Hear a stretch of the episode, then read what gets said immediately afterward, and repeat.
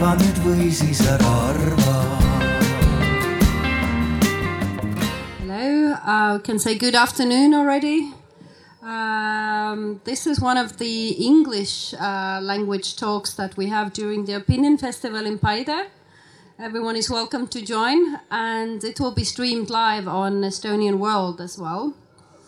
So, today uh, the topic will be uh, Sharing is Caring Neighbors for Ukraine. The uh, war has been going on for uh, almost six months, end of August now, and um, uh, I think we agree that all of Europe has been united in the um, in helping Ukraine, and we have different ways of doing this. And one of the levels how uh, we are helping Ukraine is through the different NGOs for all over Europe. So, as a short introduction, today we have uh, with us. Um, uh, participants from Slovakia, Romania, uh, Poland, and Bulgaria. So I'll do a short intro round and uh, go further with the questions. And uh, the the audience, uh, as few as they are, are welcome to ask any questions later as well. So we have with us today. Um, let's start from that side. So we have with us uh, Luca Ciobotaru from Romania. Welcome. Thank you. Uh, Luca is the president of the association Civic Raudati, Radauti, and it's a grassroots association aiming to foster civic participation, promote civic education in northeastern Romania, and it was founded in 2017, so five years old. And uh, Civic Radauti has also been involved in the relief effort at the Romanian border with Ukraine since the beginning of the war and the crisis in, in uh, February and March to, um, 2002. And you have reached so far thousands of people through cross border assistance, right? And Luca himself is currently a PhD student at the University of Bucharest in the field of human rights and constitutional law and he has a lot of experience in both public and non-profit sector uh, related to open governance, active citizenship, and community organization. Welcome, you. Luca. Thank you. Thanks for having me. Um, so the next one we have uh, George Bogdanov from Bulgaria. Mm-hmm. Also, very warm welcome. I hope the weather is as nice as in Bulgaria. Uh, George is the executive director of the National Network for Children in in uh, Bulgaria, and he has a PhD in socio- sociology, anthropology, and art science from Sofia, uh, Sofia University. And uh, he has a similar background as Luca, working with uh, civil groups, NGOs, the Roma community in Bulgaria and also with uh, isolated commu- communities and means of the approach for uh, uh, development of the communities as well. So we definitely have some Roma people in Estonia as well. So um, uh, it's, it's, a little bit similar here. Uh, George has already worked as a consultant for the charity Know How in Great Britain, as a evaluation consultant for UNICEF and the World Bank and uh, he's a socio-economic expert in the field of anti-discrimination uh, and also social inclusion consultant for Bulgaria and part of the management board of Eurochild.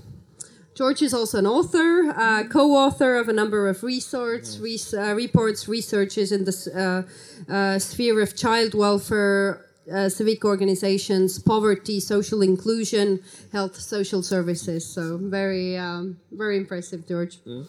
Thank you for being here. Thanks. Uh, we'll continue with Marta Szymanderska from Poland. Uh, as we all know, Poland has done has has the largest border with Ukraine, so they've done incredibly a uh, lot of work to help their neighbors. Uh, Marta is a coordinator of activities on the Polish-Belarusian border so far uh, through the uh, Osha, Foundation. And since August 2021 already, she has continuously provided assistance to people crossing the border, so already way before the war. Uh, working to monitor and counteract illegal pushbacks carried out by Polish border guards. And she trains and coordinates humanitarian aid workers in Podlasia Forest, and uh, Marta has a degree from Applied Sociology and Social Anthropology in Humanitarian Aid at the University of Warsaw. Welcome. Thank you. And last but not least, uh, we have also Michaela Bo, uh, Bobudova from Bobudova uh, from from Slo- uh, Slovakia. Um, Michaela has studied uh, uh, as, a, as a both bachelor and master in the Faculty of War Studies in King's College in London and trained at the Hague Center for Strategic Studies in the Netherlands. And you have also collaborated with the Arab Institute for Security Studies in Amman, uh, Jordania. Uh, and in Slovakia, she's worked in the area in different international security, development, and also uh, in an initiative to resettle refugee families from Syria and Iraq. Uh, she co-founded and became the director of the civic association Marina, Marina, Marina. Marina, uh, Marina, uh, which assists refugees and migrants integration process, raises awareness about migration and integration. So uh, Marina is actually amongst the leading organizations supporting the reception and integration of refugees coming from Ukraine, both at the border and in various cities across Slovakia. Uh, so thank you, everyone. Uh, so let's start uh, first of all with the question how has the war in ukraine affected your country the most? What are the we- all have a little bit different uh, experiences all over europe. Uh, some of us have a very long border or a very close border with ukraine. Some of us like like latvia and, and estonia are a bit further away. But we are very much um, involved and we have a lot of Ukrainian friends and, and colleagues. So, uh, how has the war affected your country the most? What are maybe the most surprising issues? And maybe we can also talk about what has been uh, the positive uh, aspects of the refugee crisis. So, uh, which is a direct, direct result of the war, of course. Uh, well, once again, thanks for having uh, me. It's a real pleasure to be here, um, and um, I'm really happy to join this festival with a big tradition um, ahead. Um, in Romania, just a few elements of context. Uh, we have a border with Ukraine of uh, 650 kilometers and uh, four crossing points. And um, since the beginning of the war, Romania received uh, more than 1.5 million, uh, the second country after Poland, as uh, incoming flux of refugees from Ukraine. Uh, this experience was very complex and uh, it was completely new both for Romanian citizens but uh, for the civil society and for authorities as well. Uh, and the implications were from a perspective, from a military perspective. Uh, for example, the Romania decided to supplement the budget for for the military defense. From an economic perspective, um, the war um, uh, made the, the current implications of inflation and uh, all the economic effects even stronger, and they were felt by the population. And at the same time, from a civil uh, uh, society perspective, um, it was a challenge uh, and an opportunity to grow as well. Because um, this cause brought us together, uh, and uh, in Romania, this cause um, made the, the opportunity, created the opportunity to build some bridges between uh, social actors, between uh, non-profit actors, and also to work in a completely new environment with the with the state. Um, so there is also a positive part because um, this effort uh, is an opportunity for the Romanian civil society to grow and uh, also um, maybe to sustain this effort on a long term. Uh, we know the war uh, has been going on for a few months already, but no one can predict uh, what will be uh, coming after. Uh, so this growth uh, capacity could could actually lead to maybe a more organized, sustained effort, and the the mobilization in, in in the civil society was amazing. The the, the first months and the coming months, the solidarity that was built. Um, it still exists, uh, and there were more than 250 NGOs in Romania active uh, on the refugee crisis, uh, from social services to emergency relief to cross-border operations. Um, so, um, as a, as a, like a, a general uh, general overview, um, the implications are very complex, um, and I think the civil society played a key role in uh, in, in dealing with this crisis. This is exactly what I've heard about Ukraine itself. How the uh, people within Ukraine, there are uh, also millions of people who have moved not abroad but um, uh, are refugees within Ukraine itself and, and how they are helping each other and how the civil society has taken a part. So um, I'm, I'm glad to hear it's, it's very similar in other countries. Uh, George, what about Bulgaria? Um, actually, Bulgaria doesn't have a, a border, a common border between Ukraine and, and Bulgaria. But even that, we have been affected from the from the crisis. Mainly, the the Ukrainian refugees are came through the Romanian border in the northeast of uh, Bulgaria, and uh, it wasn't expected as as everybody. But uh, the war brings a lot of issues in the country. Um, as an executive director of National Network for Children in Bulgaria, uniting more than 140 NGOs all over the country, I may say that actually it, it has a huge implication on children's rights organizations. Um, more than uh, 130,000 citizens from Ukraine passed the borders in the nights in buses and etc. It was very difficult time. Uh, and on the first line was the NGOs and the volunteers and children's rights organizations uh, in the several places where the bus is coming and crossing the Danube.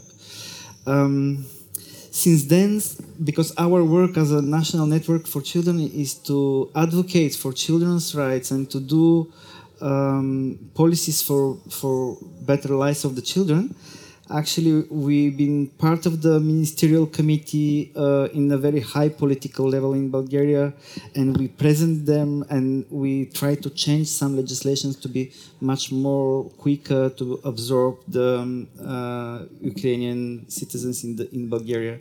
So there is a, a lot of issue around children's, but uh, children's. the positive things is that uh, nearly.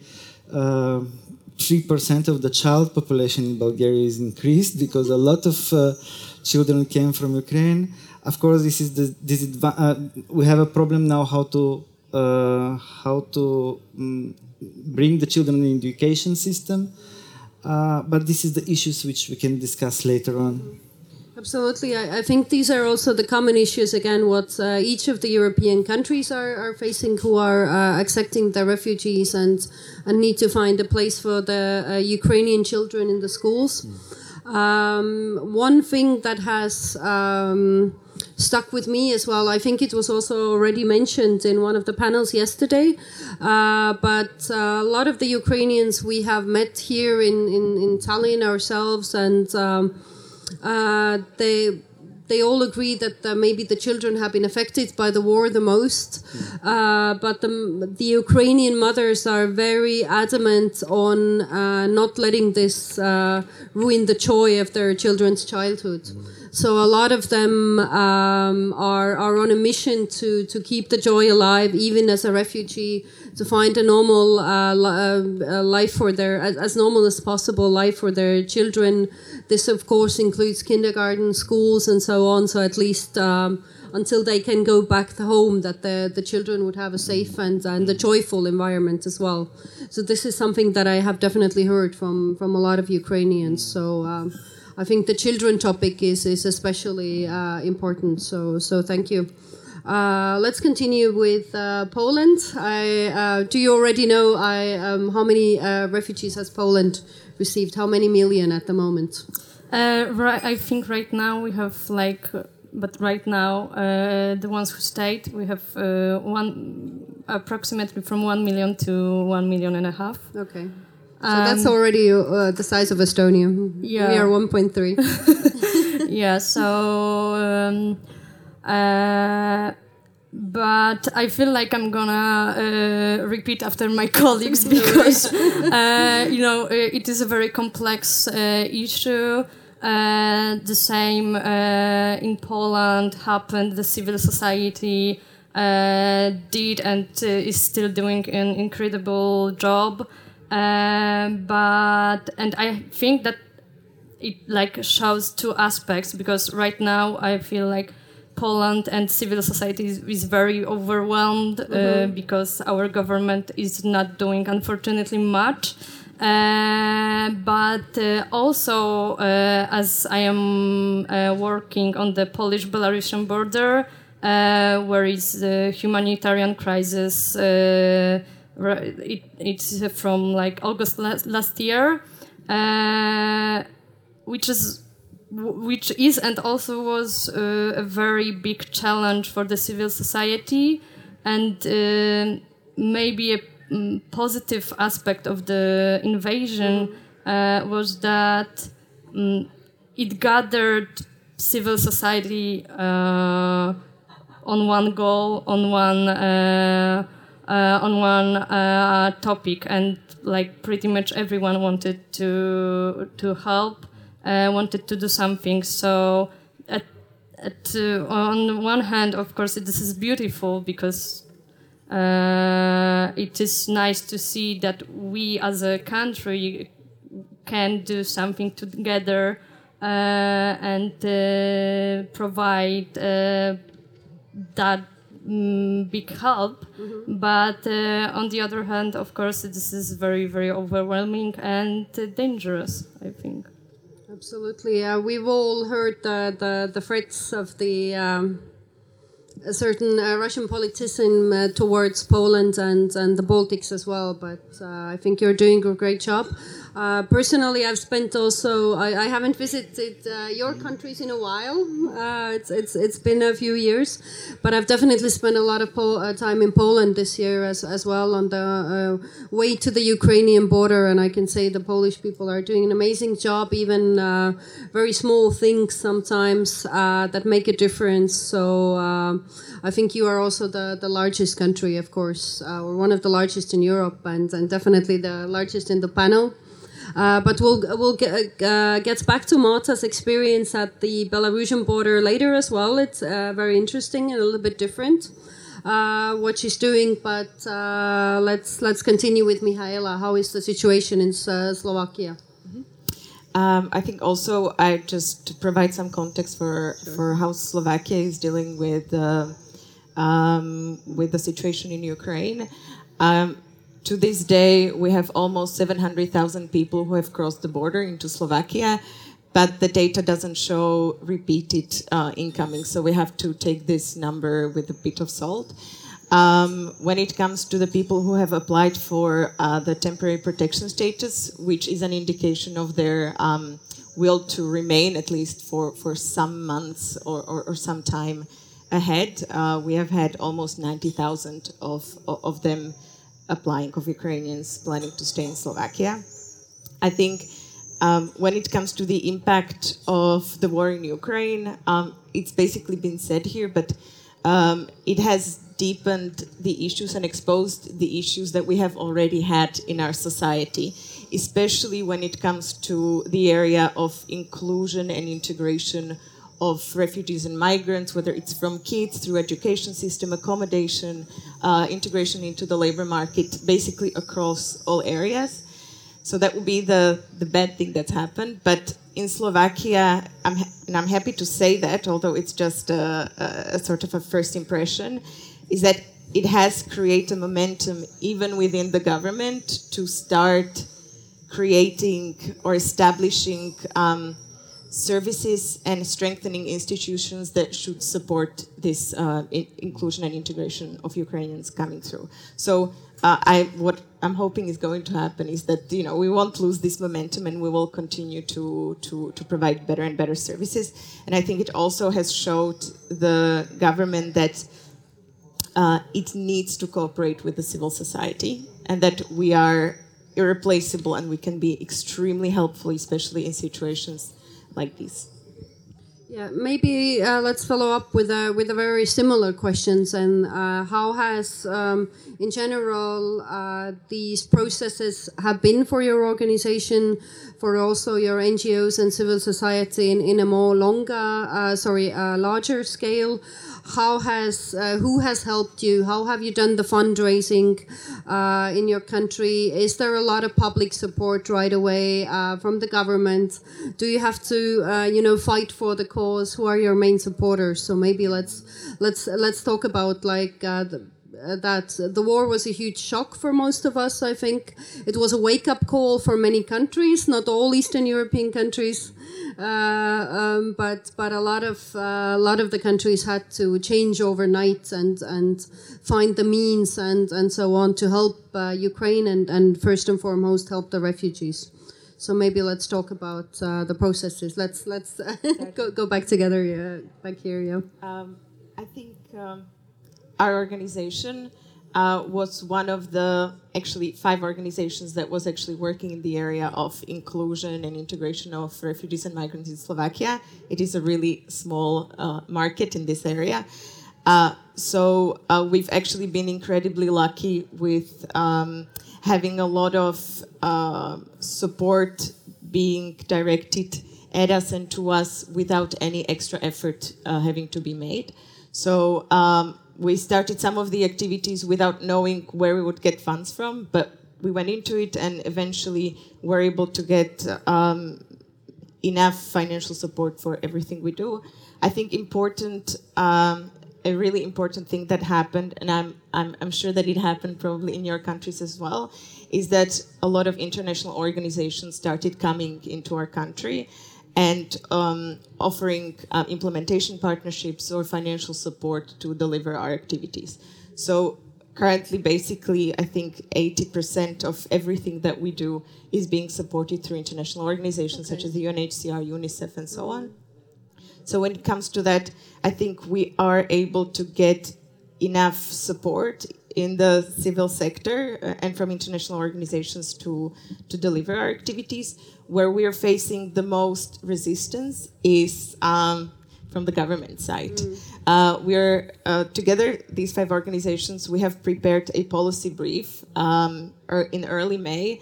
Uh, basically, um, giving recommendations to the state in every area again, accommodation, education, and so on, suggesting what should change and uh, the prime minister and the president they have welcomed these um, th- these policy suggestions. However when it comes down to the execution to the ministerial level it has uh, found resistance and it's so much more difficult to actually get them into practice. So that's where we're facing uh, most resistance.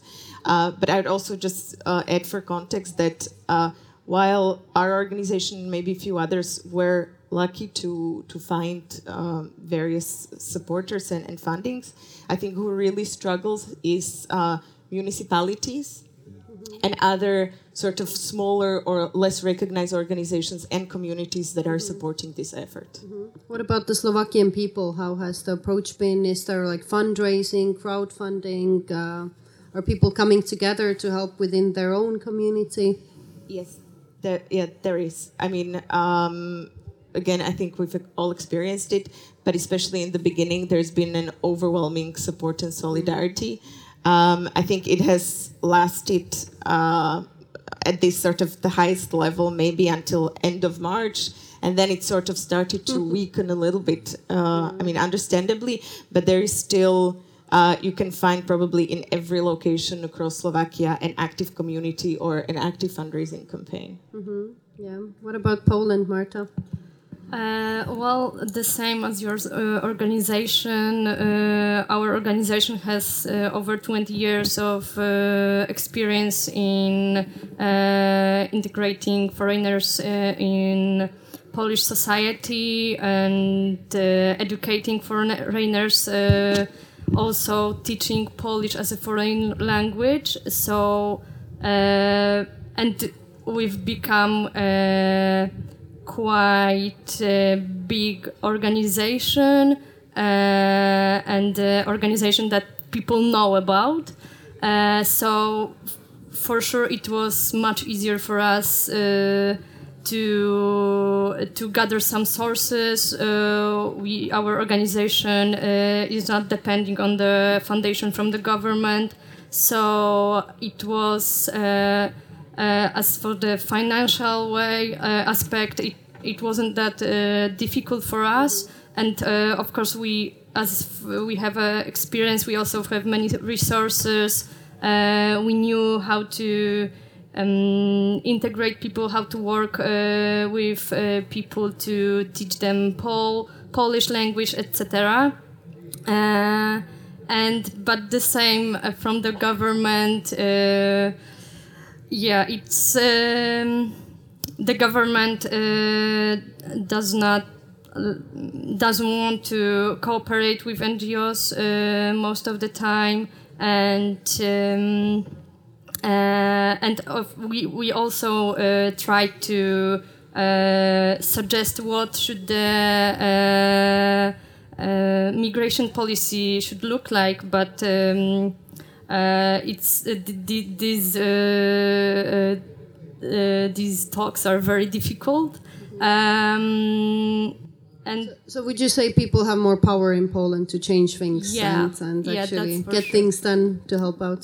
Than government yeah yeah and we are more willing to do that I, I've definitely seen that. Yes. So uh, yeah yeah. Uh, yes. Let's continue again. How, how is the situation in Bulgaria? Actually, uh, Bulgaria is in a quite difficult situation because for the last year and a half, we will have this this year, actually in October, the fourth election, uh, which is uh, the fourth parliamentarian election, which makes the the war and the effects of the war much more difficult if we have a stable um, government to, to face this problem and, to discuss about it and, and to, to, to really to come over all these problems. Um, and um, just we recover from the uh, from the covid-19 and then the war started. And that was the completely new government and new people who don't run the country before it, makes really difficult for them to organize themselves. But even that they succeeded to do a so-called coordination unit with the ministry of council. And we've been part of this coordination unit and start to work together with different ministries and things. But there is a huge mm, um, people against uh, people from the ministries against these new new people which came to the power and become a real mess for the for the situation. But even that they succeeded to do a lot of things even as a new people. Uh, in terms of ngo sector and what's happened with the children's organizations we basically the bulgarian ngo sector is left alone on these battles Okay. uh, there is no international NGOs to help or to do anything about the, the issues of uh, uh, refugees and children who are um, based in, in Bulgaria. And this is really a huge problem for, for us because we have to um, maintain and or work within the this kind of resources what we have it uh, now. Even more we started to have our own fundraising activities to help people. Uh, our government decided to give to every person 40 leva which is 20 euro per person for the um, uh, for the refugee to be kept in the hotels uh, which was great but this is for food and for um, and for accommodation but after that there is no other things like uh, educational activities or um, or pampers or or medicines or whatever and these people come with a huge problems with the with their own and the rest it helps from the from the NGO. So we did it a campaign immediately after the uh, after the war.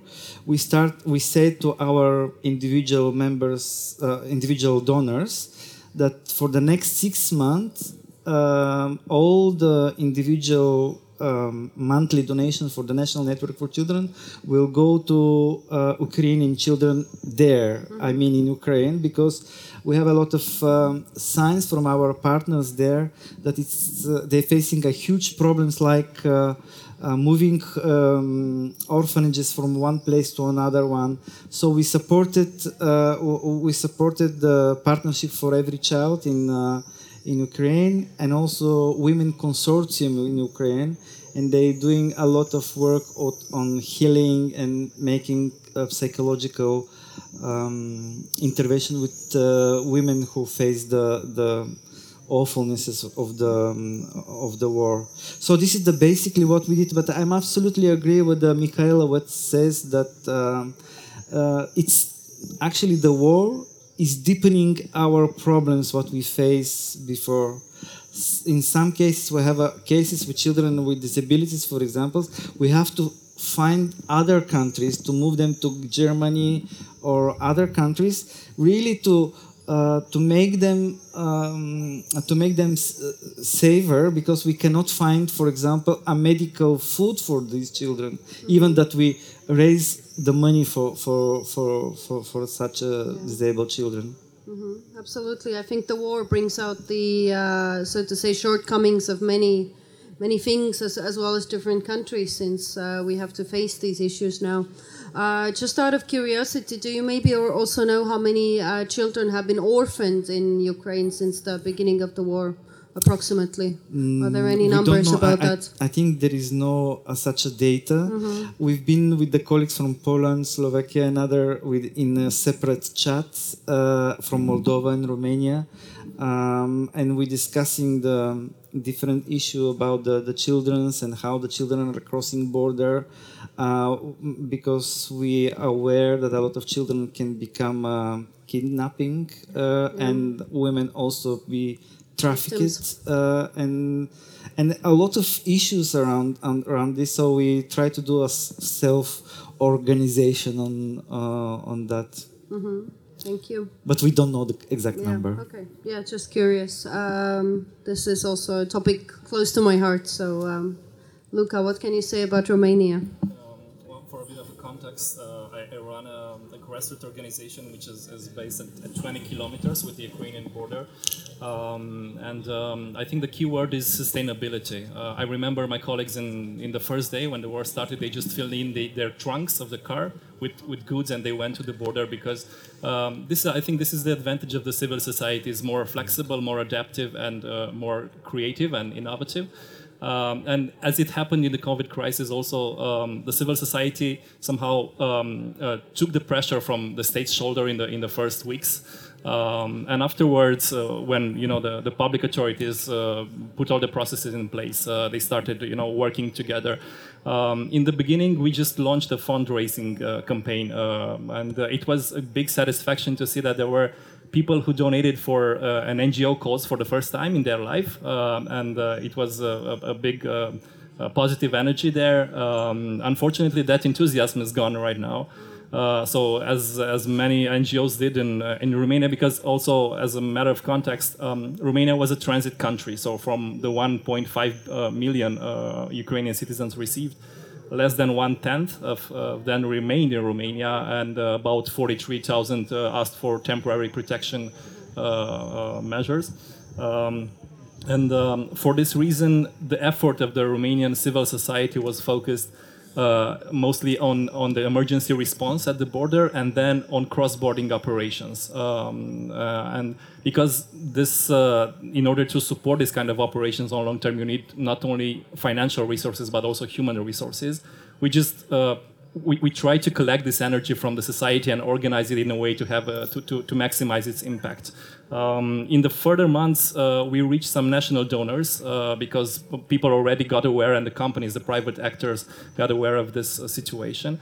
And after uh, starting with April and May, uh, May um, the international organizations uh, stepped in.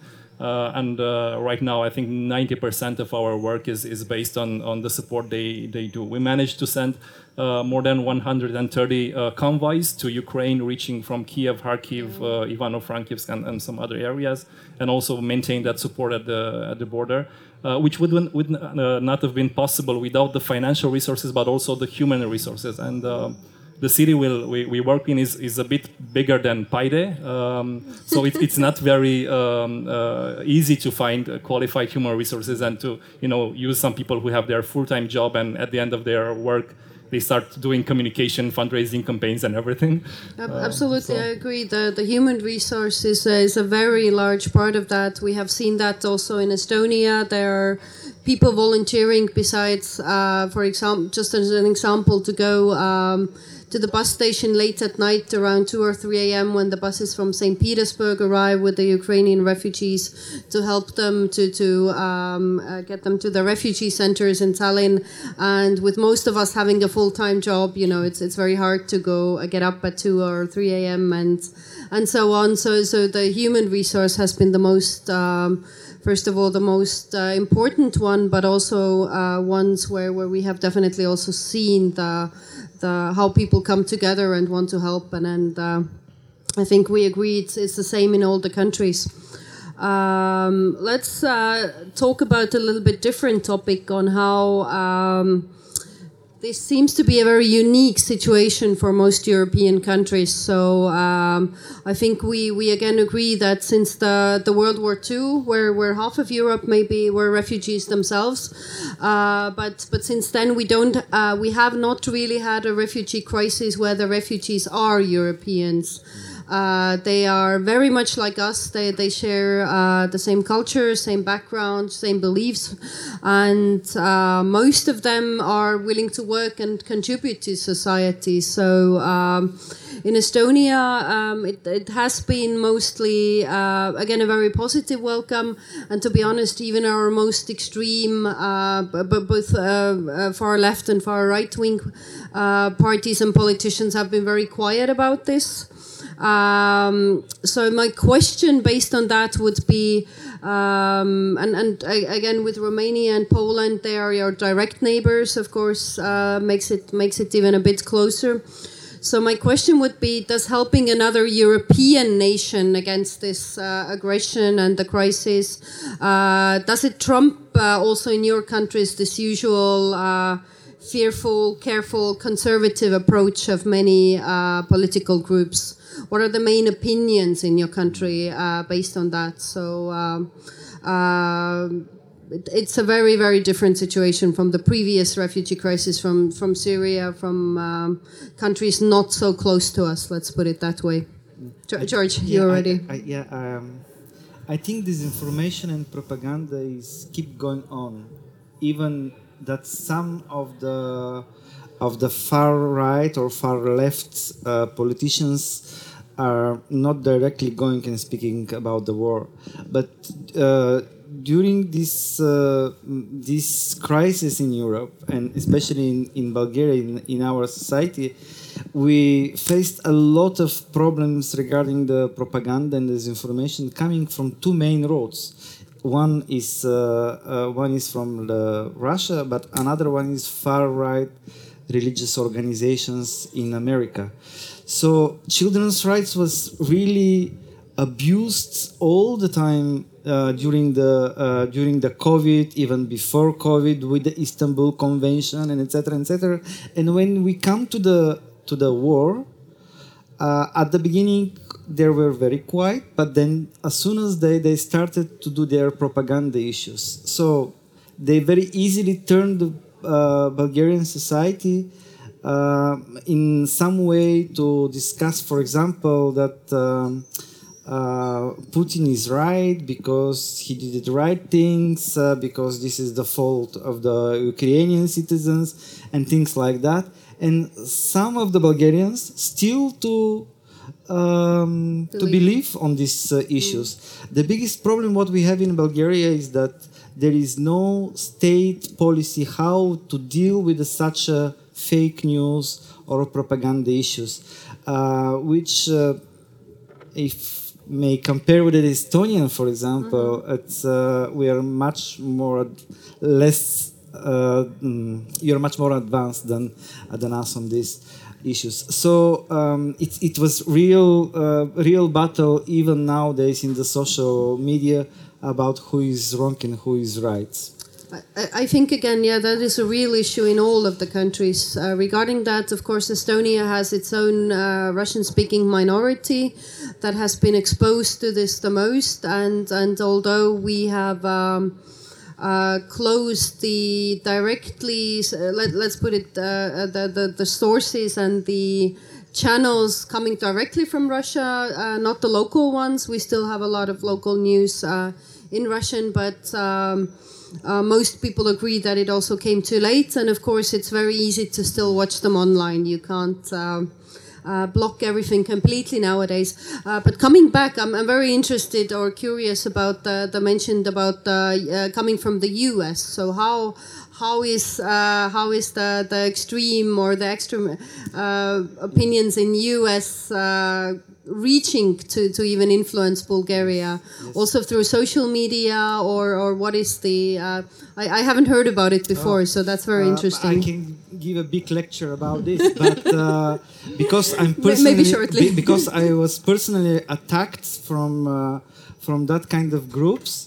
Uh, but the thing is that like like this. Um, uh, these far right religious organizations they exist everywhere in not only in America but also in Europe and they not only from the Protestants roots but also from the Catholics and uh, even some uh, Orthodox uh, churches. They created a, so-called Agenda Europe, and they're against the, the human rights, the children's rights, and etc. And they become to uh, to fight for their own rights, how they, they, they call it. So the Istanbul Convention was a huge document discussing. During that time, they were very active in Bulgaria. We didn't ratify it because of them. And um, personally, I was attacked because I, am the leading the uh, the biggest NGO in Bulgaria, and at the moment I'm suing seven people in Bulgaria because they personally attacked me, says that I'm bringing children uh, to myself and selling to the Norway people to the, because uh, that's going to be improve their genes. I mean, uh, with our unique gene as the Bulgarians. So you can imagine uh, uh, things like that. It was made it a, a real awfulness around the society, but at the end. I, I, with this war, what we're facing at the moment, people understand who are actually those people. Of course, now the situation is much more on the on the Russian propaganda coming from Kremlin and etc. But also we haven't forget these religious issues, and then somehow they uh, connected with the with the ex um, Trump policy and etc. and etc. Okay, I, I think my next question will definitely be about the war on social media and so on. But let's let's uh, finish this one first, and uh, Luca. So uh, in in Romania, the um, the far right discourse was was being built on criticizing the European Union, but and somehow creating an alternative, saying, okay, let's look on how you know China is developing, or let's look in in the east, not necessarily to the west. Uh, and uh, when the, the, the war started, somehow the, the object of the discourse was uh, they was they, they were left out without this this kind of uh, discourse because the European solidarity was amazing, and we know European Union is not perfect, but uh, it's, it's the only you know option for democratic values right now. Um, and and for this reason, somehow the far uh, right uh, uh, um, party uh, and also the movements and the discourse somehow um, um, were diminished. But at the same time, uh, now they, they, they, they focus on the economic disparities uh, and on the, on the social inequities.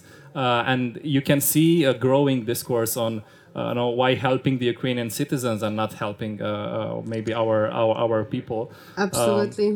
And, uh, and, and from, from this perspective, um, um, the risk is to, to have a polarized society uh, without clear lines, without clear, you know, uh, um, f- uh, directions to see. Uh, but at the same time, I think that the government has the responsibility to tackle this kind of discourse. The NGOs have this responsibility as well. Uh, and I'm glad to see that uh, there are more and more initiatives on, for example, media literacy in Romania, uh, focusing on teaching high school students on how to uh, make the distinction between a fact and an opinion or uh, how, how to verify the information. Uh, because yeah, we live in a digital world, and you know, is in, in Estonia, in Estonia is more digital than elsewhere. Um, so um, we really need to to have these clear lines and maybe um, um, you know have those core values and, and directions that will keep us on track, whatever the propaganda will be like, uh, whatever the, the discourse will be changing in our societies. Okay, but the positive thing I heard from what you said is that uh, Romanians, through the crisis, still feel closer to Europe and European values and European Union again. So, th- so they see it as the uh, the, uh, the only option Yeah, currently. The, the, yeah, the, the, the population is, is uh, very pro-European, uh, and uh, we have at the same time uh, a minority in, in Ukraine, which is the, the second after the Russian minority. So we have uh, um, pretty many thousands, tens of thousands of Romanians there. Um, so we didn't have this uh, maybe um, polarized uh, discourse about uh, why why why helping Ukrainian citizens because at the same time we had this common experience and we had some people that were there in Ukraine were speaking Romanian language that could could share the real stories of what's happening there.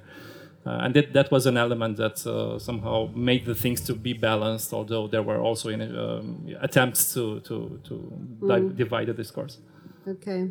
So, uh, very short about Poland as well. You know, Poland has been uh, confusing us in the past years. We we uh, we follow a lot of the very conservative, religious, and and so on. The the abortion ban and so on. On the one hand, like you mentioned, the government, uh, the the politicians, and so on, the extremes. Uh, but again, at the same time, the, the personal approach, I think all the Estonians uh, who met Polish people who've been there now during the crisis, we all agree that Poland, Poland is the, again, number one nation in helping, in, in friendliness, in, in doing everything they can for the Ukrainian neighbors. So, how do you see that? Has it. Um, um, has it made these uh, more extreme uh, parties or, or wings uh, a bit more quiet? Uh, or has it has it even uh, you know fueled the fire? How, how do you see that, uh, Marta? I'm also still surprised. Uh, uh, but um, in this question, I have to mention the Polish-Belarusian border of uh, too, because on one hand we have people who are crossing the border from all around the world, from Yemen, they, they are from Syria, from Afghanistan, from Sudan, uh, from Congo, uh, people fleeing from the same thing, the war. So and uh, Poland is uh, not only not helping them, but is is actually killing them.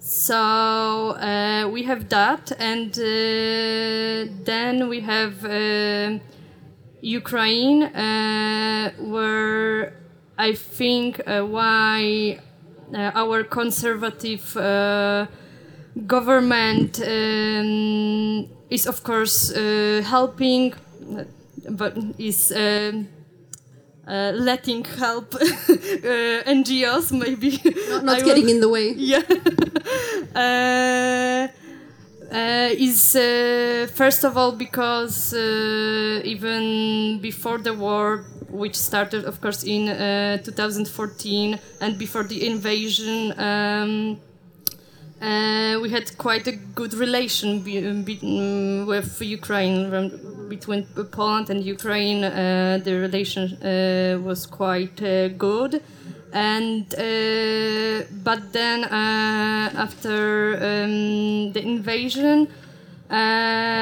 Even on this border, uh, it happened a lot that uh, people of color weren't uh, treated the same way. Uh, people didn't want to take them uh, to to the cars. They only wanted uh, Ukraine citizens, which which was really really difficult. So. Um, yes, it like conservative parties um, are uh, agreeing that we have to help uh, people fleeing from Ukraine, but what they mean, they are they want to help white uh, people fleeing from Ukraine. That's very sad, but yeah, thank you for being honest. Uh, what about Slovakia? I, I know a bit less about the political situation, and and uh, it's been years since I visited. But uh, could you could you share us your opinion about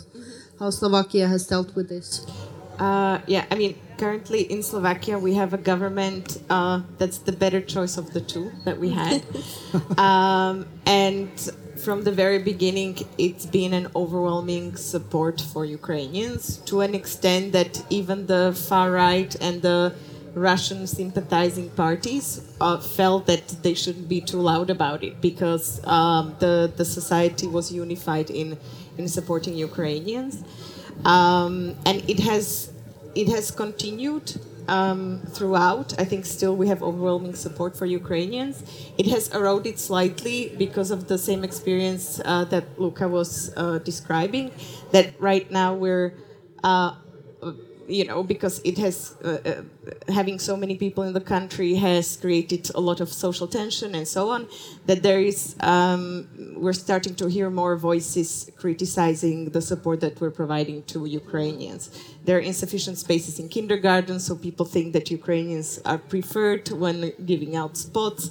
Uh, uh, Slovaks are, uh, this is a very popular criticism. Um, uh, Slovaks are uh, unhappy about helping Ukrainians that are wealthy. Uh, so there was a big thing about like Ukrainians coming in Mercedes and BMWs and so on, because refugees should only be poor, and um, and and so so there is a little bit of this, but still overwhelming support. Um, uh, there's been some uh, research or focus groups done in, in Slovakia, and it seems that Slovaks are generally supportive. What they want to see is that support is being effective and targeted, and that there is no waste and, and unnecessary support provided to those that don't don't need it.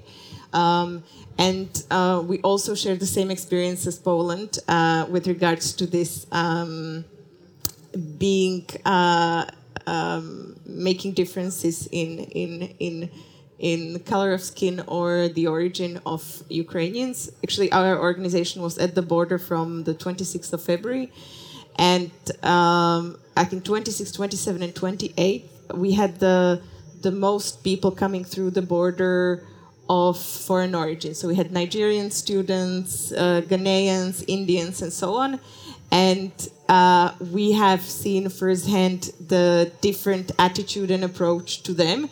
They were dif- uh, treated differently at the border, and they were also treated beyond the border differently by the organizations and by the people that were present there. Uh, and yes, uh, we had the same experience that they were expecting white women with children maybe seniors, uh, but uh, this was uh, something else. Yeah, so I can already see from this uh, or hear from this discussion that we do have a lot of similarities, a lot of similar issues regarding also uh, how the refugees are being treated. And one thing that, that also now uh, was one of my questions, but you already basically answered, is that uh, there is also uh, still some, you know, pushback or something from the uh, from the local society. Again, some of the minorities uh, in, in, in Estonia, it has been um, some of the local Russian speaking people uh, in your countries, uh, different uh, groups, but there's def- definitely been been um, also some kind of complaints that they've never received this kind of support and that we should help our people first. So so I think it's also an important topic to to realize where where the uh, local frustrations lie, basically. Um, do you want to say something? Yeah, I was uh, just related to the last question. Um, all, all of the panelists here have a lot of years of experience and background on working on, on this, uh, these topics, and I think somehow the legitimacy is, is different when you already helped those communities in the past, uh, and now you can say, okay, we have an emergency crisis. Uh, this is the priority, but we are, we, however, we did these efforts in the past and we will do them in the future. So we, you can tackle this kind of discourse by showing actually what, what has been the effort so far, uh, and that there is no actually actual discrimination or uh, you know a pre- pre- preferential treatment, but it's a, it's just about prioritizing the resourcing aco- according to some urgent needs when you know people f- flee from from war zones. Uh, and we've seen this kind of reaction not necessarily in urban uh, areas, but in in smaller uh, communities, and uh, you, you can tackle them in, in this way. And we, That's somehow- that's a very good tip, uh, also for Estonians and also for, uh, in general, honest communication is the key.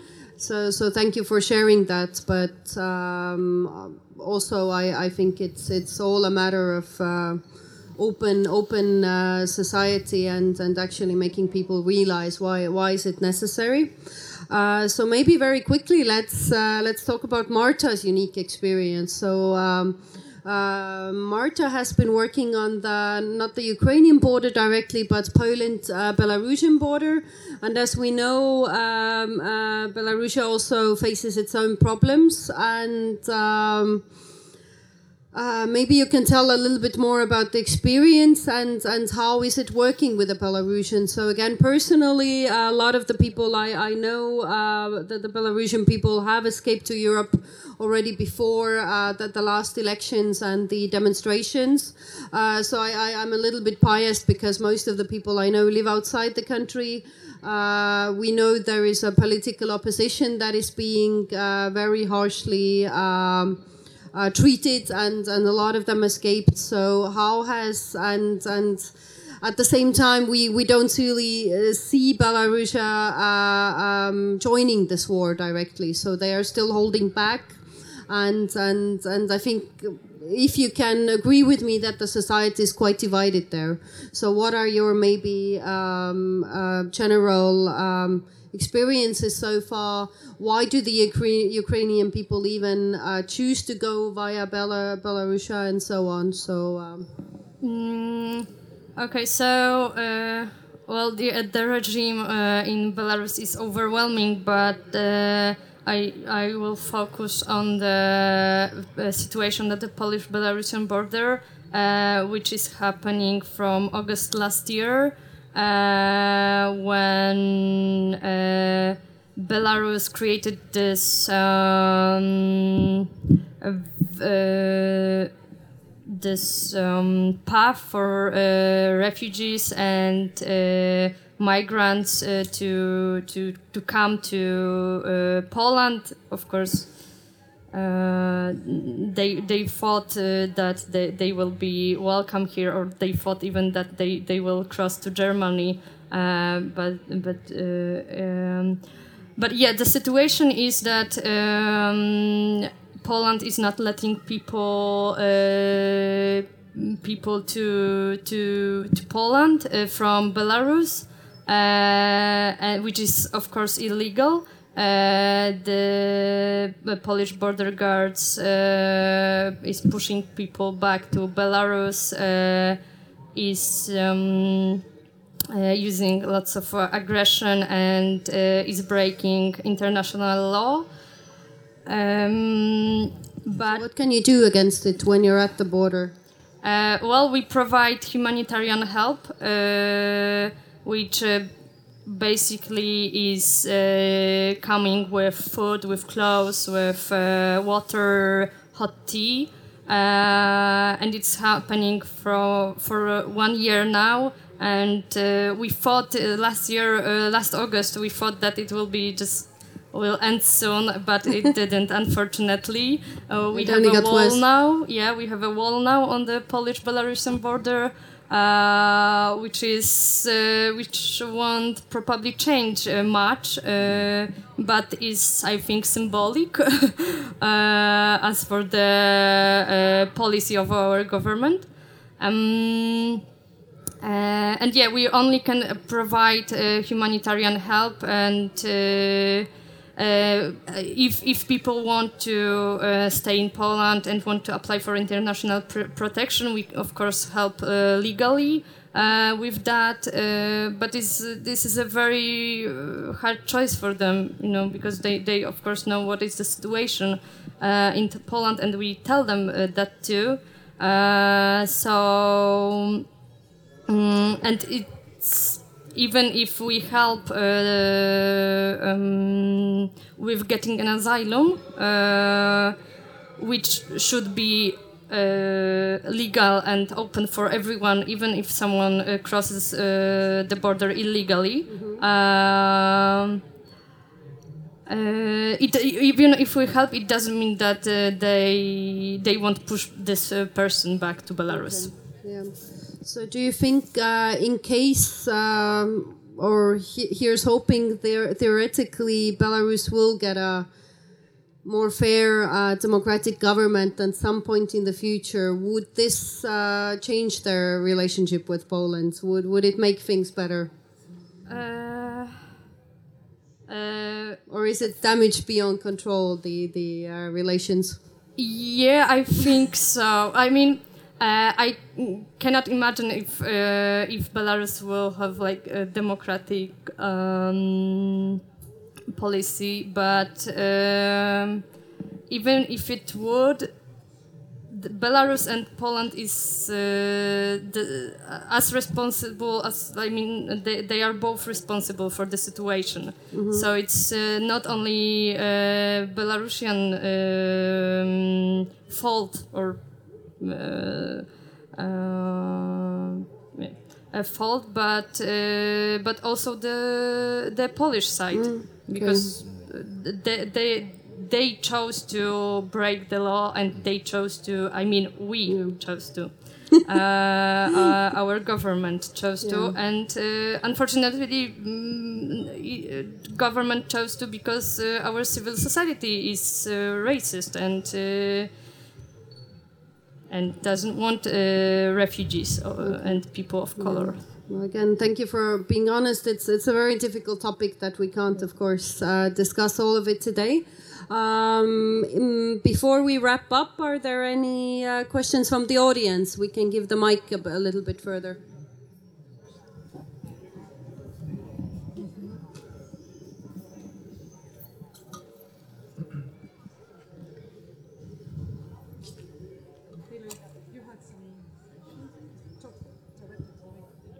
Uh, thank you everyone for uh, for this panel. Um, it's greatly appreciated. My name is Adrian. I'm from a Norwegian organisation called the Norwegian Association for Youth Mental Health, and we've just been discussing what we might be able to do uh, to help um, Ukrainians who are displaced um, around in European countries.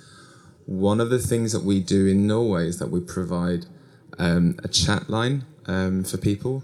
Um, and I wonder if um, there is an opportunity for us to take part in and potentially be able to fund an effort to provide um, support in Ukrainian uh, across Europe uh, to displaced uh, Ukrainian refugees, and if uh, if you think that would be viable with Norwegian funding, uh, and if there are uh, people, NGOs, organisations who'd be able to participate in a project like that. Thank you. Any, Okay. any yeah, comments? Yeah. Um, I'm sure there is. Uh, there's always an opportunity for cooperation. Um, I guess it would also depend on what sort of chat line you have in mind. Uh, in Slovakia, there are several NGOs that already have or are running some hotlines. Some are literally focused on providing information and consultation on their resident status and legally what they're obliged to do, what, what are their um, opportunities within Slovakia. And then there are some chat lines that are um, organized by uh, NGOs that offer mental health and psychosocial support. And there are several that are being run currently in Slovakia. I think where they have um, where they're facing challenges. One is uh, longer term funding, and the second one I think would be um, uh, dissem- disseminating information about this hotline within Ukrainian communities. So they're not, I think, covering. Uh, the entirety of, of the, the refugee communities that have come across. So I think if these two things would seem interesting to you, I could definitely put you in touch with these NGOs. Any other comments? Just really quickly, yeah. Yes, uh, it's my turn. Yes, my name is also Adrian. I'm also from Norway, so that's uh, yeah, that's how it is. Uh, we're actually doing both. We have one uh, chat which is uh, regarding mental health issues, and we also were running a chat uh, regarding um, legal advice when it comes to specifically mental health issues in Norway, but also in a broader spectrum. So, what we're looking for, pretty much as Adrian said, is partners that would like to work with us to make a chat line, um, uh, not a phone line, but a chat service in Ukraine, in Ukrainian. Uh, run in a European country outside Ukraine, obviously for now, uh, and we are not primarily government funded, so we're privately funded, and we would like to raise money in Norway for this purpose. So that is the question. We are looking for partners. We are here today, tomorrow, so just come and say hi. That sounds great. So I'm I, I definitely agree because again uh, we have we are all in this together. So again, like I said before, some of our are, are a bit closer neighbors to Ukraine and and are more directly affected. But uh, I don't think there's any country in Europe that's not affected by the refugee crisis. So. Uh, I think it would be the the great uh, the greatest experience to simply first of all share contacts, share experiences, uh, suggestions, and, and just help each other out. So we'll we'll definitely come and come and talk to you right after uh, this is over, in a, in a few minutes. So so thank you for uh, for the great initiative, but. Um, I agree. Let's let's just stick together. And every country, as we discussed, has its own issues to face within the crisis, and and and we can also uh, help each other with that. One more. Yeah, thank you. I- I'm not Adrian, and I am not from Norway. That's okay. Uh, my name is Mikołaj, and I come from Poland. And uh, I wanted to ask all the panelists about the issue of uh, uh, the uh, labor market and uh, the impact of uh, of refugees on the labor market. How did it or has it impacted the the labor market? That what what will be the impact in the next month or or years? Because uh, the thing is that uh, well, my expectations are that the war will last. Uh, I would like it to finish as, as soon as possible, but uh, I am afraid that it will last uh, quite a long time. So uh, I, I would like to know more about it, especially from the other countries than Poland. But I am also interested in the Marta's point of view. Thank you. Thank you, Nikolai.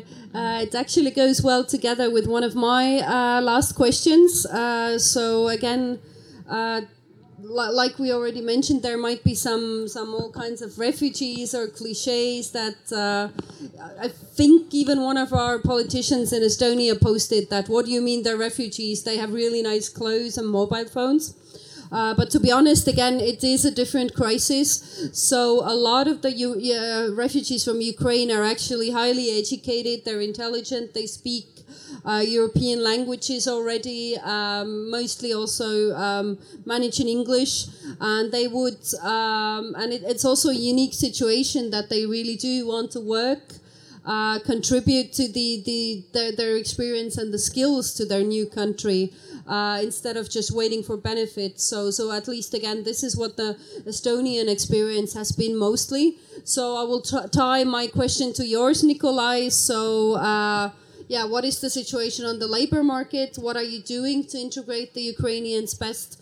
And and also in a broader picture, how can all the receiving countries in Europe uh, really best benefit from this, uh, benefit from the Ukrainian skills and uh, and enthusiasm as well? Do you have any any experience already? Do you see the broader picture? Um, most of the people who entering the country in Bulgaria, they are women with children, and um, mostly what they did it uh, is a, a kind of cleaning job or, or the job of the um, in the hotels like waitresses and etc etc of course we have uh, some um, mm, some people who entering the country with the higher education like uh, doctors engineering and etc we try to integrate them in the in the society but because of the legacy of the diploma it's a very difficult to engage them and to put them in the uh, in, in, in the appropriate job for, for them, even that they could be a really high educated people. Um, a lot of those people who left in the country, as I said, 130,000 people are just crossed the country, but then nearly 80,000 are within the country. Uh, so mostly of these people are mm, poor. Uh, the education is not that higher. Uh, but they still integrated in the labor market as a child caregiver uh, givers or different uh, on different issues even that we have some hospitals in bulgaria they um, um, they accept doctors from ukraine and they work together with them but they didn't give them the to do operations or, or different kind of uh, things So it's really it's really really helpful for those people to find job and to do something else, not just sitting in the hotels or or homes and uh, and uh, going back with the trauma of the war, uh, what they have it. Absolutely. I, I think also just as a side comment, it, it is definitely language issues. Again, Estonia has a, a Russian speaking minority that can help, or, or at least it, it helps to start learning Estonian as well. Uh, since it's still the only official language that we have, and I guess um, in, in Poland maybe as well, you know, Polish and Ukrainian still a uh, little bit more similar than any other languages. So um, um, it, it would also be a little bit easier than to go to a country where the where there is hardly any um, Russian speakers or hardly any any other touch points for for um, both culture and language wise. Lu- Luca, you want to say? I, will, I will add uh, a bit on, on what has been said. Um, I think somehow there are um, two perspectives for for those uh, citizens who come from Ukraine and uh, are mostly independent. Some of them are maybe working in IT sector, they work remote and so on. But they also need, especially in urban areas, they need, for example, co-working spaces or uh, uh, uh, areas where they could, you know, continue their work even uh, from Romania. Uh, as I said, about 10% of the incoming flux remained in, uh, in, in Romania. And for for the other part, uh, for people who left their jobs in in Ukraine, uh, I just look at the numbers. Uh, in June 2022, there were about 6,500 people who got a job in Romania, and most of them were in manufacturing industry, then in construction. Uh, for those 25% of the people, um, the men who who came to Romania, and then also in the hospitality sector. Uh, but I think the, the capacity to integrate uh, Ukrainian citizens on the labor market has to be improved, and there should be more uh, more open policies. The government recently launched a plan for integrating the on the labor market uh, the Ukrainian citizens, but I think this should be done in a in, in a participatory way with, with with the expertise and the know-how of the, of the civil society. So. Definitely, yeah. Do you have any comments? Yeah. Um, uh, as for Poland, uh, actually, the uh, the only ministry that uh, is doing something efficient is the Ministry of Labor. So uh, it has some like grants and uh, workshops, etc. Uh, so this ministry knows that this is a very uh, important uh, aspect uh, for pe- people fleeing from uh, Ukraine. Um, but and of course our, organization is uh, also helping people uh, with finding jobs etc uh, but it is uh, very difficult um, uh, and uh, before the invasion we also had like many workers from ukraine uh, um, and now it's uh, it uh, it somehow uh, shows that there, there are some tensions between those Ukrainians uh, who came uh, to Poland before and those who uh, uh, came uh, after uh, the invasion. And um, yeah and uh, it's uh, it's difficult to to manipulate this um, this situation about Slovakia to end? Uh, well, uh, I just yesterday watched an interview with the employers union, and they've announced that there is 100,000 um, uh, unoccupied places within the labor market in Slovakia, and uh, uh, as I mentioned, there's 90,000 people who have uh, temporary protection status, which means that they can immediately enter the labor market because this is not usual with third country nationals. Half of them are in, are in the working age, and so far, maybe about 15% actually have a job, so the rest don't. And the challenges that we see, and I, I'd just like to comment, it is an amazing opportunity that we see here, you know, to cover the, the, the, the labor market opportunities that are there. Um, so it, it's definitely worth an investment from the government and even from uh, employers associations and to the civil society. The challenges we face, and I think they've been mentioned here, are uh, we have a very cumbersome process of uh, nostrification of diplomas and qualifications. So again, we have a lot of highly qualified people coming in, but um, it takes forever, and uh, in some areas, especially for regulated occupations, it is almost impossible. Uh, secondly, uh, language acquisition. It's uh, it's one of the biggest barriers, especially in more qualified jobs, because we are still an overwhelmingly Slovak society, and you need to be able to speak to your coworkers, to your clients, and so on. The third uh, thing that we're facing is that uh, the the people, adults coming in in their working age, are mostly women and are mostly mothers. So what they need often is more flexible hours and they need some support when it comes to uh, taking care of their children they need to be in a job in a location when, where there are places in kindergartens where uh, schools can accept them and so on where they might have some childcare available uh, so so these uh, and and we often hear it that even Slovak women don't have this luxury. Uh, I think all women should have this luxury. uh, so that that is missing. And fourth, last one is that although we have all these um, uh, all these free spaces in our labor market, they're often uh, scattered in various locations, and there is insufficient um, sort of matching between people who need it with the um, with the opportunities. And often it doesn't just come down to a job, but it comes down to the availability of accommodation and all of these associated services. And this hasn't been sort of pulled together enough to provide to any candidate a, a complex picture of where they would actually be going to. Absolutely, this is a really good example, and these are exactly the issues we are facing as well as we have.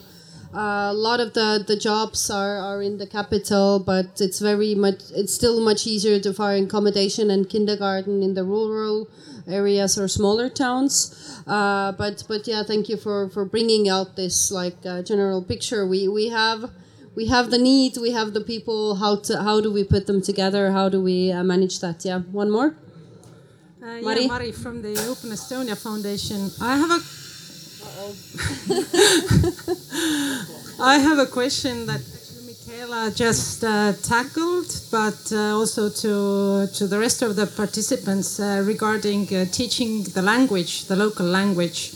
Uh, we have the same, um, let's say, problem in Estonia. We just don't have enough teachers who would be able and be there uh, really right now to, to teach Estonian. So, is this something that you also encounter in uh, Romania, Bulgaria, in Poland? And uh, another very practical uh, question that also Michaela mentioned the accommodation. Uh, at first, I mean, during the first uh, months of the war, uh, there were uh, well, people were very generous. Um, uh, the refugees found places to live, etc. But now, I mean, we are slowly going back to the uh, the I would say like the usual situation. September is coming. People expect rent, etc. But uh, they are not so welcoming anymore. Um, uh, but at the same time, the marketplaces for the refugees are still uh, quite high, at least uh, for a very large part of them. So, uh, would you like to comment on that or these two questions: the capacity to teach local language and and the rental market? Yeah. So uh, again, just to uh, extend that, uh, we need a longer plan. So so let's wrap it up with that. How do how are we going to solve these problems? Uh, like uh, it was mentioned, the war is not going to end anytime soon. Um, the refugees will most probably stay longer than, than they have planned in each of the countries. So, how do we really tackle these problems? Um, um, um, how do we work together and so on? So, so let's let's wrap it up with uh, Mari's question. What can we do together? I think on, on, on the mid and long term, um, we have to keep in mind this ability to complement the, each other's action and uh, the role of the civil society to, you know, complete uh, state's effort and, and also maybe uh, make it more efficient. Um, at the same time, we need uh, public policies based on data, and uh, in Romania, we still uh, have this. Uh, this uh, we lack enough data to be able to take the, the right decisions, uh, and this is one of the th- first directions to get enough data and able to to fundament your your decisions and your future directions and your resources, especially because they are limited. And at the third time, um, uh, I think there is a huge need to to put in value this uh, the the know-how and the energy from the civil society and also especially from the NGOs which have been part of this effort. And in, in some cases, maybe they, they know the the, the situation even be better than the, the state authorities. So we need to, to find a way to to make this partnership sustainable uh, and also to uh, regarding the, the capacity of hosting people. Even the influx has diminished right now. Romania kept its capacity to accommodate people in, in transit uh, centers and so on. But this is not a, a long-term solution. So you need to combine this with, uh, you know, developing uh, permanent uh, places and also invest in the capacity to train more people to integrate them on the, on the labor market. Mm -hmm. And thank you for the questions. What about the Romanian language? Do you have enough teachers? Is it hard to learn? Yeah, it's uh, it's it's very different, obviously, uh, and it's a Latin language, and it's different for uh, for for the Ukrainian uh, citizens to learn. The teachers are not enough. There have been some some efforts made by the civil society, and now they are taken over by the state, uh, which is good. Uh, but however, being a transit country, this mechanisms have to be flexible enough to be adopted adapted yeah. according to to the the future developments. Thank you. Very interesting uh, in Bulgaria we have um, um, a lot of efforts on this uh, from the NGO side, of course, um, together with the um, um, Ukrainian Museum for Children's Creativity.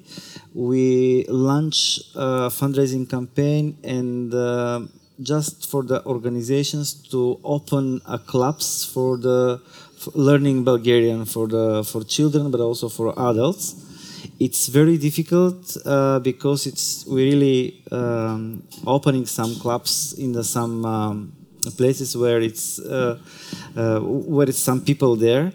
But the thing is that, uh, of course, we will we will do it and we will continue to do it, but it's not enough. Let's say like like this way. Um, what I would like just to say as a wrap up of the things we, uh, as a national network for children, uh, in Bulgaria, we seen the war as a bit in broader context. Yeah. We've been in a war before the Ukraine. Yeah. Uh, this war is coming from this disinformation and propaganda, dividing societies. What was uh, has been said from the colleagues, dividing our societies, make them vulnerable, uh, vulnerable, and make them even um, in a in a really difficult stage. Uh, and for us, the war is taking away of childhood uh, from children. It's needed to to have the efforts from everybody. I mean, from politicians, from the NGOs, from uh, people who are opinion makers in the societies, and we have to continue. Uh, if if it's the war is stopping now in Ukraine, we all pray for this the, the division of the division of our societies will continue, and we have to be uh, focused on this to to unite the societies to make them much more mm-hmm. accessible for for others. Yeah, thank you for bringing this out. That this has not only united uh, societies and communities, but also torn them apart. This is a really good point that we have to work on. We have to fight the also the fake information and and propaganda that. Uh, is going on uh, during the war and so on. So, so this is a really, really good example that again Estonians wholeheartedly agree with. So let's focus on the points that unite us, and and try to. Um, bring people together in, instead of uh, letting this terror uh, communities apart. But um, this is also a very, very difficult topic. But thank you for bringing this up.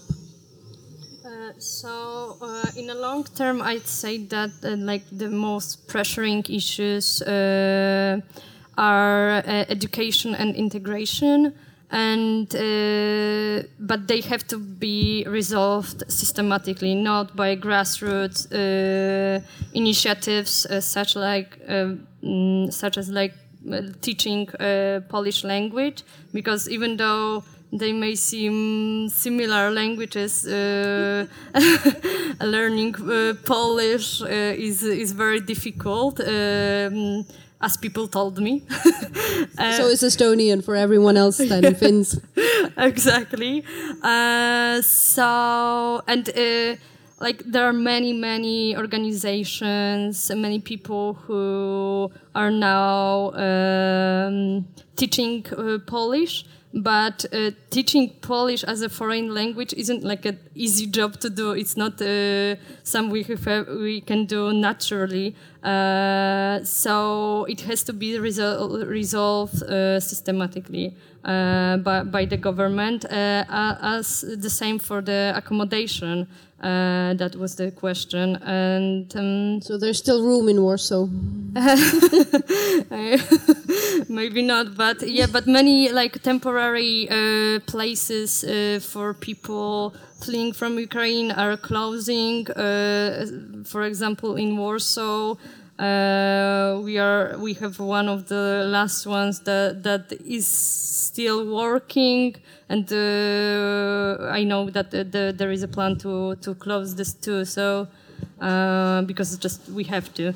Um, and so these are the most pressuring issues.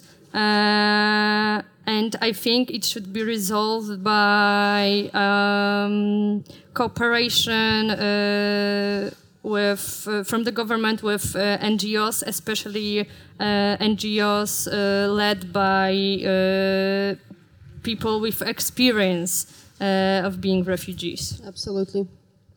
Yeah. And how is Bratislava and the rest of Slovakia? Like you mentioned, it's also a bit divided. Uh, yeah, I, maybe I'll just address the, the need for language teachers. We definitely are facing the same issue. Uh, I think currently Mareena employs maybe up to 20 language teachers, uh, which work across three locations in Slovakia. We are being asked to train um, language teachers uh, even beyond these locations. And what often happens is that um, you know, uh, lay people start teaching uh, the language in various locations where sort of trained professionally is unavailable. Uh, so that we definitely see this, uh, and we have various other issues with regards to the Slovak language um, sort of know-how and institutional base, or just just generally. Uh, when it comes to capacities for accommodation, um, currently Slovakia has uh, is providing um, financial support to both private accommod- accommodators or, or owners of private accommodation and to hotels, boarding houses, and so on. Uh, which is it's a relatively generous pack- package actually, and it's been uh, now offered until the end of September, and we'll, we're still waiting to hear whether they're going to prolong it or not. But I think they will because it's taking too much time to decide, and, and we're pressuring the government uh, to not make these or not announce these really important decisions last minute. Um, I think uh, with regards to longer term perspective. Um, and this is something that we've been advocating for in Slovakia, is that um, uh, we are assuming from experience that the longer a war situation is ongoing in the country of origin, and the longer the people remain outside, the more likely it is that they will stay. So, for any country hosting refugees, it is the most the smartest calculation to make is to look at it longer term and to think that these people are actually going to stay here longer term for years to come, maybe indefinitely. So, uh, first of all, for Slovakia, and uh, you already mentioned it in your notes, uh, the temporary um, protection status should expire at the end of March. Exactly. So what what we need definitely, and we're working on it in Slovakia, is to offer an option for a different legal status uh, to remain in Slovakia. So we need to provide uh, other regular options of residence for these people, and uh, ideally to make the transfer as accessible as possible. And then, secondly, we need to, and it was already mentioned here, uh, we need to have a robust integration strategy which goes across all of these issues that, that were mentioned. Education is a big problem in Slovakia, but also accommodation, labor market, and so on. And one thing maybe that's especially a concern in Slovakia, and um, maybe it's not so much a concern in your countries, is that because the government has provided a lot of uh, financial support for accommodation and there is some financial aid as well. that we're facing in several locations and communities a um, uh, a passiveness and sort of reliance on support. And the big thing for us, I think, will have to be a path to independence. And if there will be a cutoff point for when the government subsidies and support will end, we need to beef up any type of support that we can in order to help people to become independent and to get their own accommodation, mm-hmm. jobs, get children to school, and so mm-hmm. on. Yeah, um, yeah. There's a saying in Estonian: "Give them the fishing rod, not the fish." Um, so thank you, uh, everyone, very much. To to sum up, I think we can conclude that. Uh, again, we are all in this together. So, um, like like Marta said, we need to push our governments. Uh, we need to uh, help our civil society to help.